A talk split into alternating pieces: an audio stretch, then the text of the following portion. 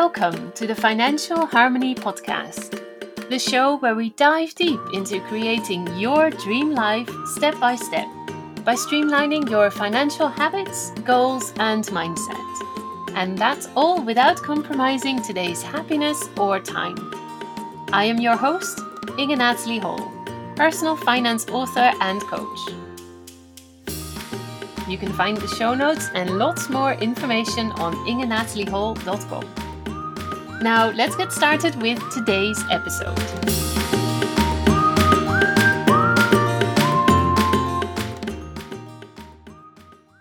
Hello, and welcome to another episode of the Financial Harmoney Podcast. This is episode 9 Making Personal Finances Fun with these 8 tips. Today, I'd like to talk about one of the biggest obstacles people face when it comes to making progress with their finances and their financial situation. And I feel very excited about this topic as it's something where my three areas of expertise and experience really come together.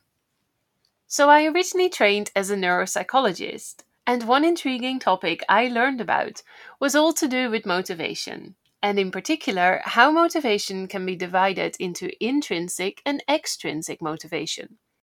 Intrinsic motivation means that you feel motivated internally because you get pleasure out of doing something or you have a strong desire to do something. Whereas extrinsic motivation means you are doing something because of an external factor, such as a reward or the avoidance of a negative consequence for not doing something. To give an example of both these types of motivations, let's say that you are working on a project at work. You might feel really motivated to work on it today because you enjoy the project in itself. It gives you a feeling of accomplishment or purpose, or you enjoy working with the other people involved in the project. Those would be intrinsic motivations that you'd feel. An extrinsic motivation could be that if you don't work on your project today, you might miss a deadline. Or your boss might be chasing you up on it. The deadline and your boss are external reasons to resume the task, not internal ones. For the past 14 years, I have worked as a teacher and a teacher trainer and I have always found it a fascinating part of my job to find the right type of motivator for every single student I have taught and every single staff member I have trained to help them with their learning. And it's amazing to see how different children and adults have different motivators at different times or with different topics. As motivation is such an important requirement to learning, I feel it is really worth finding each student's motivation to help them keep at their learning. When you lose your motivation, you lose your desire to keep going, and that usually results in giving up on your mission. Depending on the topic, some people have more of an extrinsic motivation, whereas others have more of an intrinsic motivation. But you can, of course, have several factors helping all at once.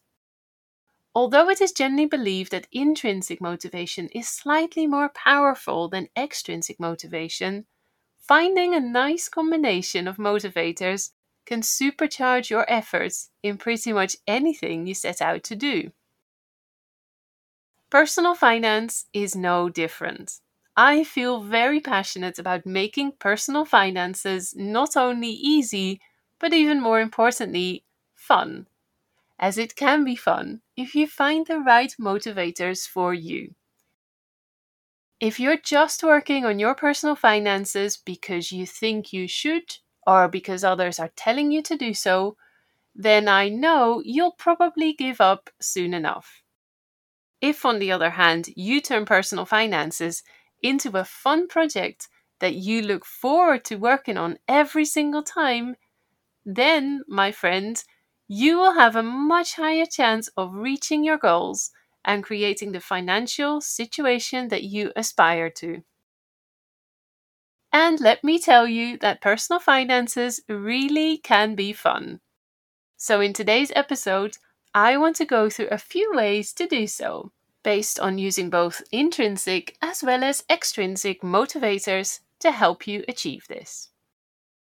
As always, I've got you covered in terms of remembering all of this information in the form of a short and sweet download of the different tips I talk about today. You can find this free download in the show notes on ingenatalieholcom forward slash episode 9. So let's start making personal finances a little more fun. Tip number one dream big. Now, one way to boost your motivation is to allow yourself to dream big. I know this comes up a lot in my podcast, but that is because it is such a powerful way to make your finances fun.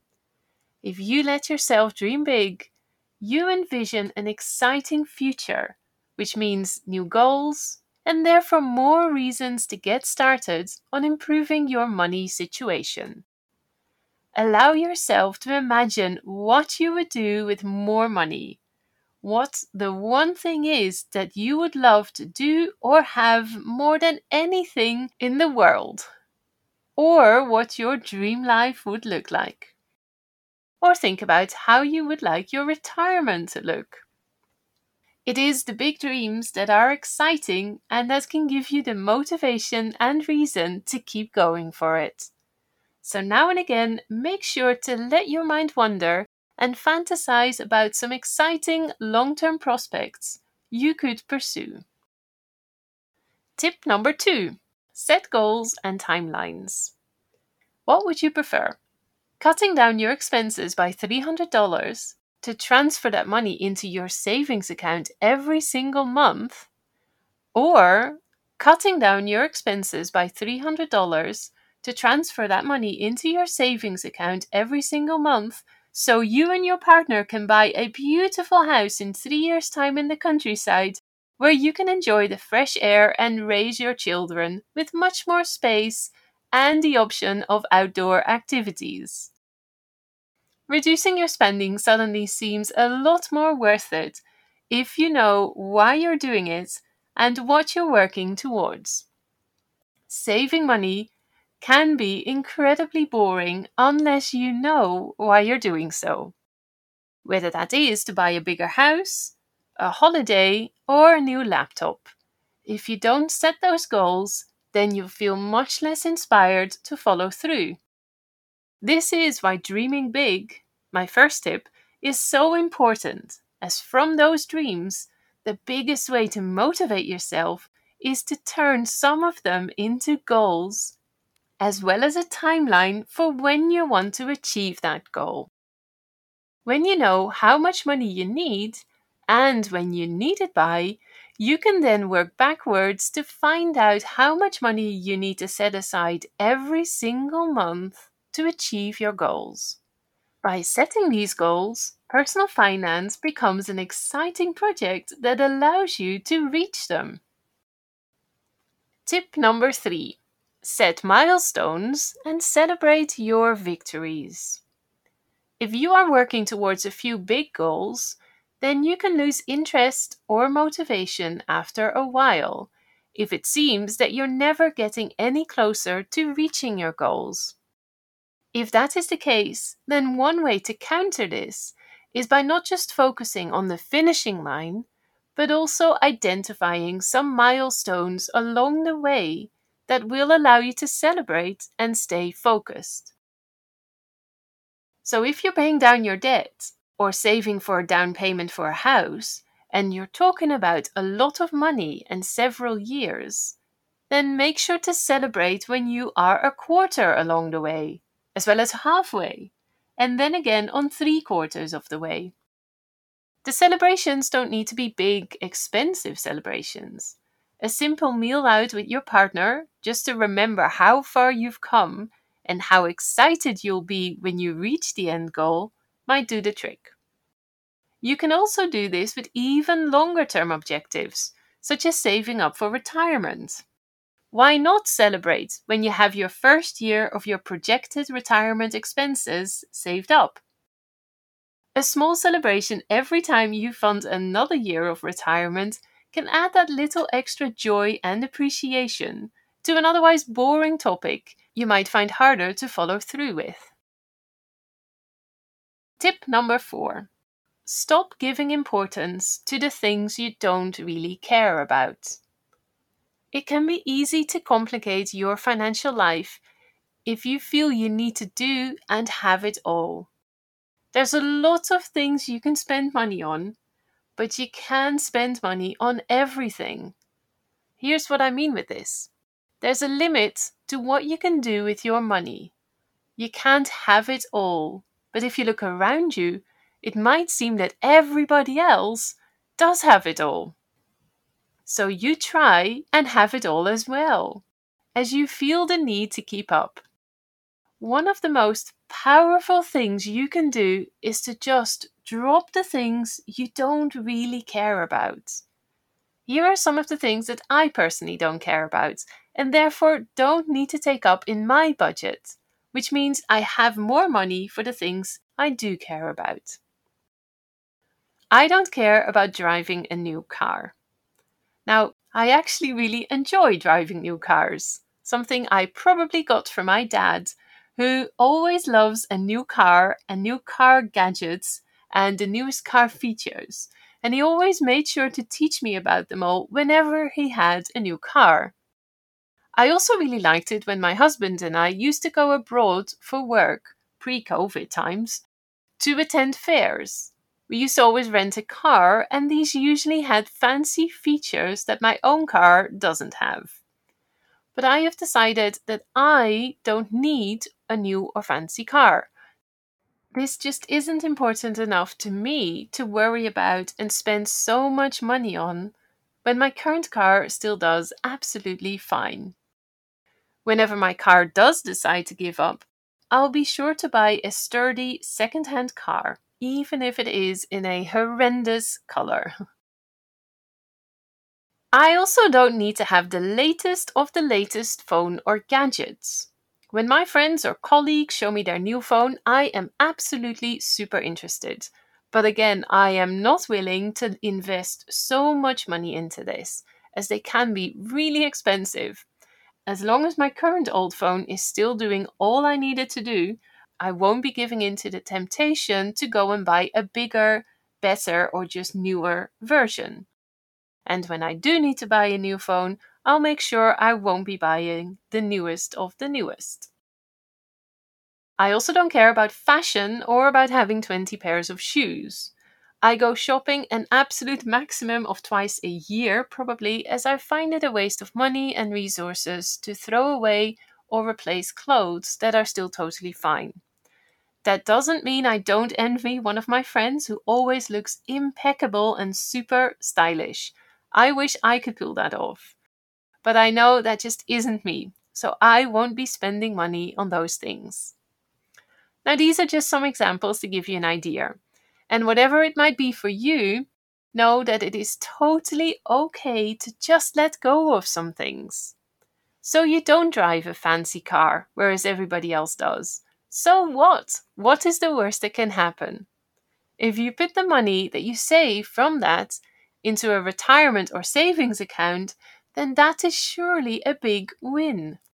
Next time you feel that everybody else around you does seem to have it all, just ask yourself whether they are investing in their future or setting aside money to pursue their dream.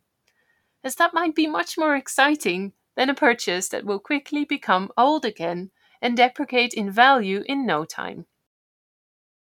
By taking away the things you don't care about, you can focus on the things that truly are important to you. And you'll likely take away some of your worries, as less expenses usually means you needn't worry as much about how you're going to afford it all. Tip number five keep things simple. You can make personal finance as complicated as you want, but you don't have to. Focus on a few things that are important to you and get started with those. Once they begin to move forward or become a routine, you can always add in more or set new objectives. Begin with what is most urgent or important and just focus on that. Then take your time to evaluate, adjust, and make things more complex where needed when you're ready. Take on too many things, and the overwhelm will quickly make sure your motivation evaporates very quickly. If you don't know where to start, you might want to check out episode 3 of this podcast, which is called Your Level 10 Financial Life, where I go into the 10 principal personal finance areas to help you set goals and then choose just two or three to focus on for now. By keeping things simple, it is easier to find more joy in working towards your goals. Tip number six set yourself challenges. Challenges can be really powerful ways to make changes or achieve something new, and personal finance is no different. One of the great things about challenges is that it adds a bit of competition to something that might otherwise be rather boring it's usually helpful to have a specific time frame for your challenge, which is why 30-day challenges are so popular, as a month seems like a doable amount of time to try out something new. So here are two common challenges that you can try out. First of all, to cut your expenses.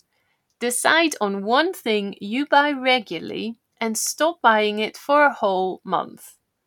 This can be your daily coffee on your way to work. As an alternative, prepare your coffee at home and take it with you. It can also be cutting out or cutting down the number of cigarettes you smoke in a particular month, leaving your car at home more often, or not buying name brands or A brands and going for the cheaper store brand options in the supermarket. Now, to make this challenge even more powerful, you can, at the end of each day or each week, set aside the amount of money you estimate that you have saved with this challenge so you can really see some results. At the end of those 30 days, you can probably put the total amount of money saved to good use. As a challenge to pay off your debt faster, you can commit to paying twice as much towards your biggest debt or your highest interest debt this month by picking up extra hours at work or starting a side hustle. Another way to set yourself challenges is by bringing somebody else on board and having a mini competition with them. So, who can save the most in one week? Who can find the best offers? Or who can sell the most in their garage sale to put towards a debt? These little things might be right for you if this type of intrinsic motivation is your thing. Tip number seven create pleasant circumstances. If you've decided to dedicate a certain amount of time to your financial planning every week, maybe to process and file paperwork, pay bills, or update your budget, then make sure to create a pleasant atmosphere around this all. A few things this might include are first of all a workspace you feel inspired to work in. This starts with enough space as well as a clean space. So, if you need to take five minutes to tidy up and wipe down your desk or kitchen table, then go ahead and do so. Then get yourself a nice cup of tea, glass of infused water, or a healthy smoothie, whatever makes you feel just a little bit special. Make sure you have enough light, that it's warm enough, and that you have the supplies you need, such as your folders to file, a stapler, or your checkbook, for example. This can all turn a task you dread into a much calmer and more pleasurable experience.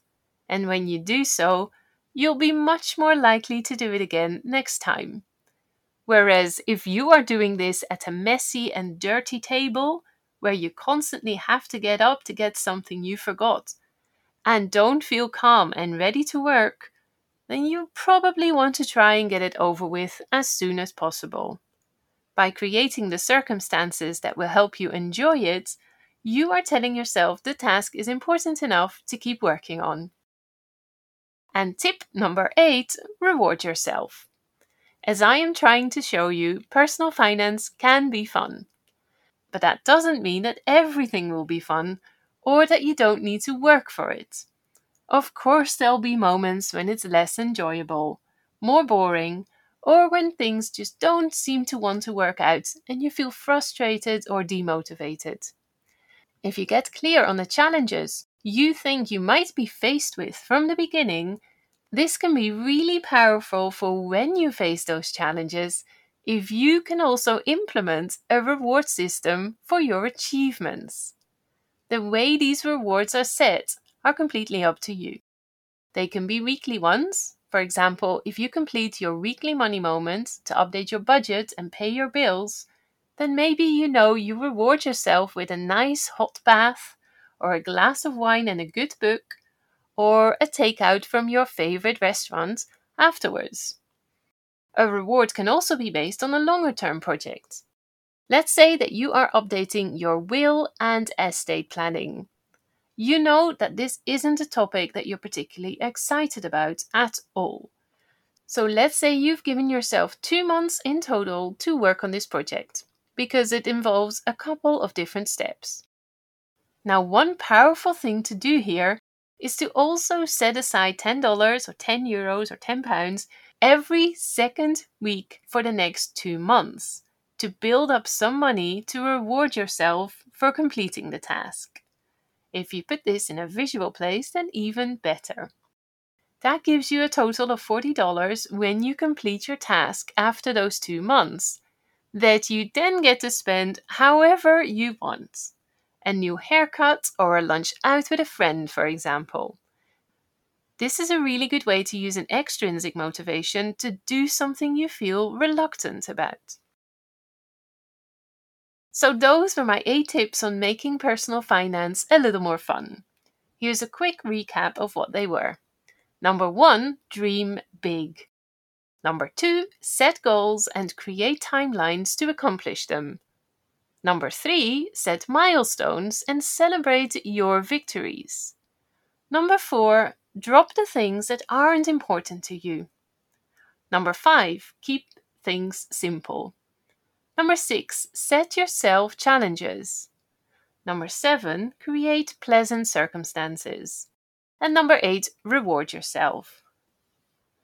If you're struggling to stay motivated to improve your personal finances, then I hope there were one or two tips here that you found useful and that you want to give a go and implement over the next few days.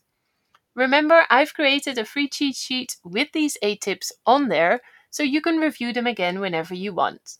You can find this free download on ingenatalieholcom forward slash episode 9. So that was it, the end of this episode of the Financial Harmoney podcast, making personal finances fun with my 8 tips. I hope you enjoyed it. Make sure to subscribe, and I'll see you next time.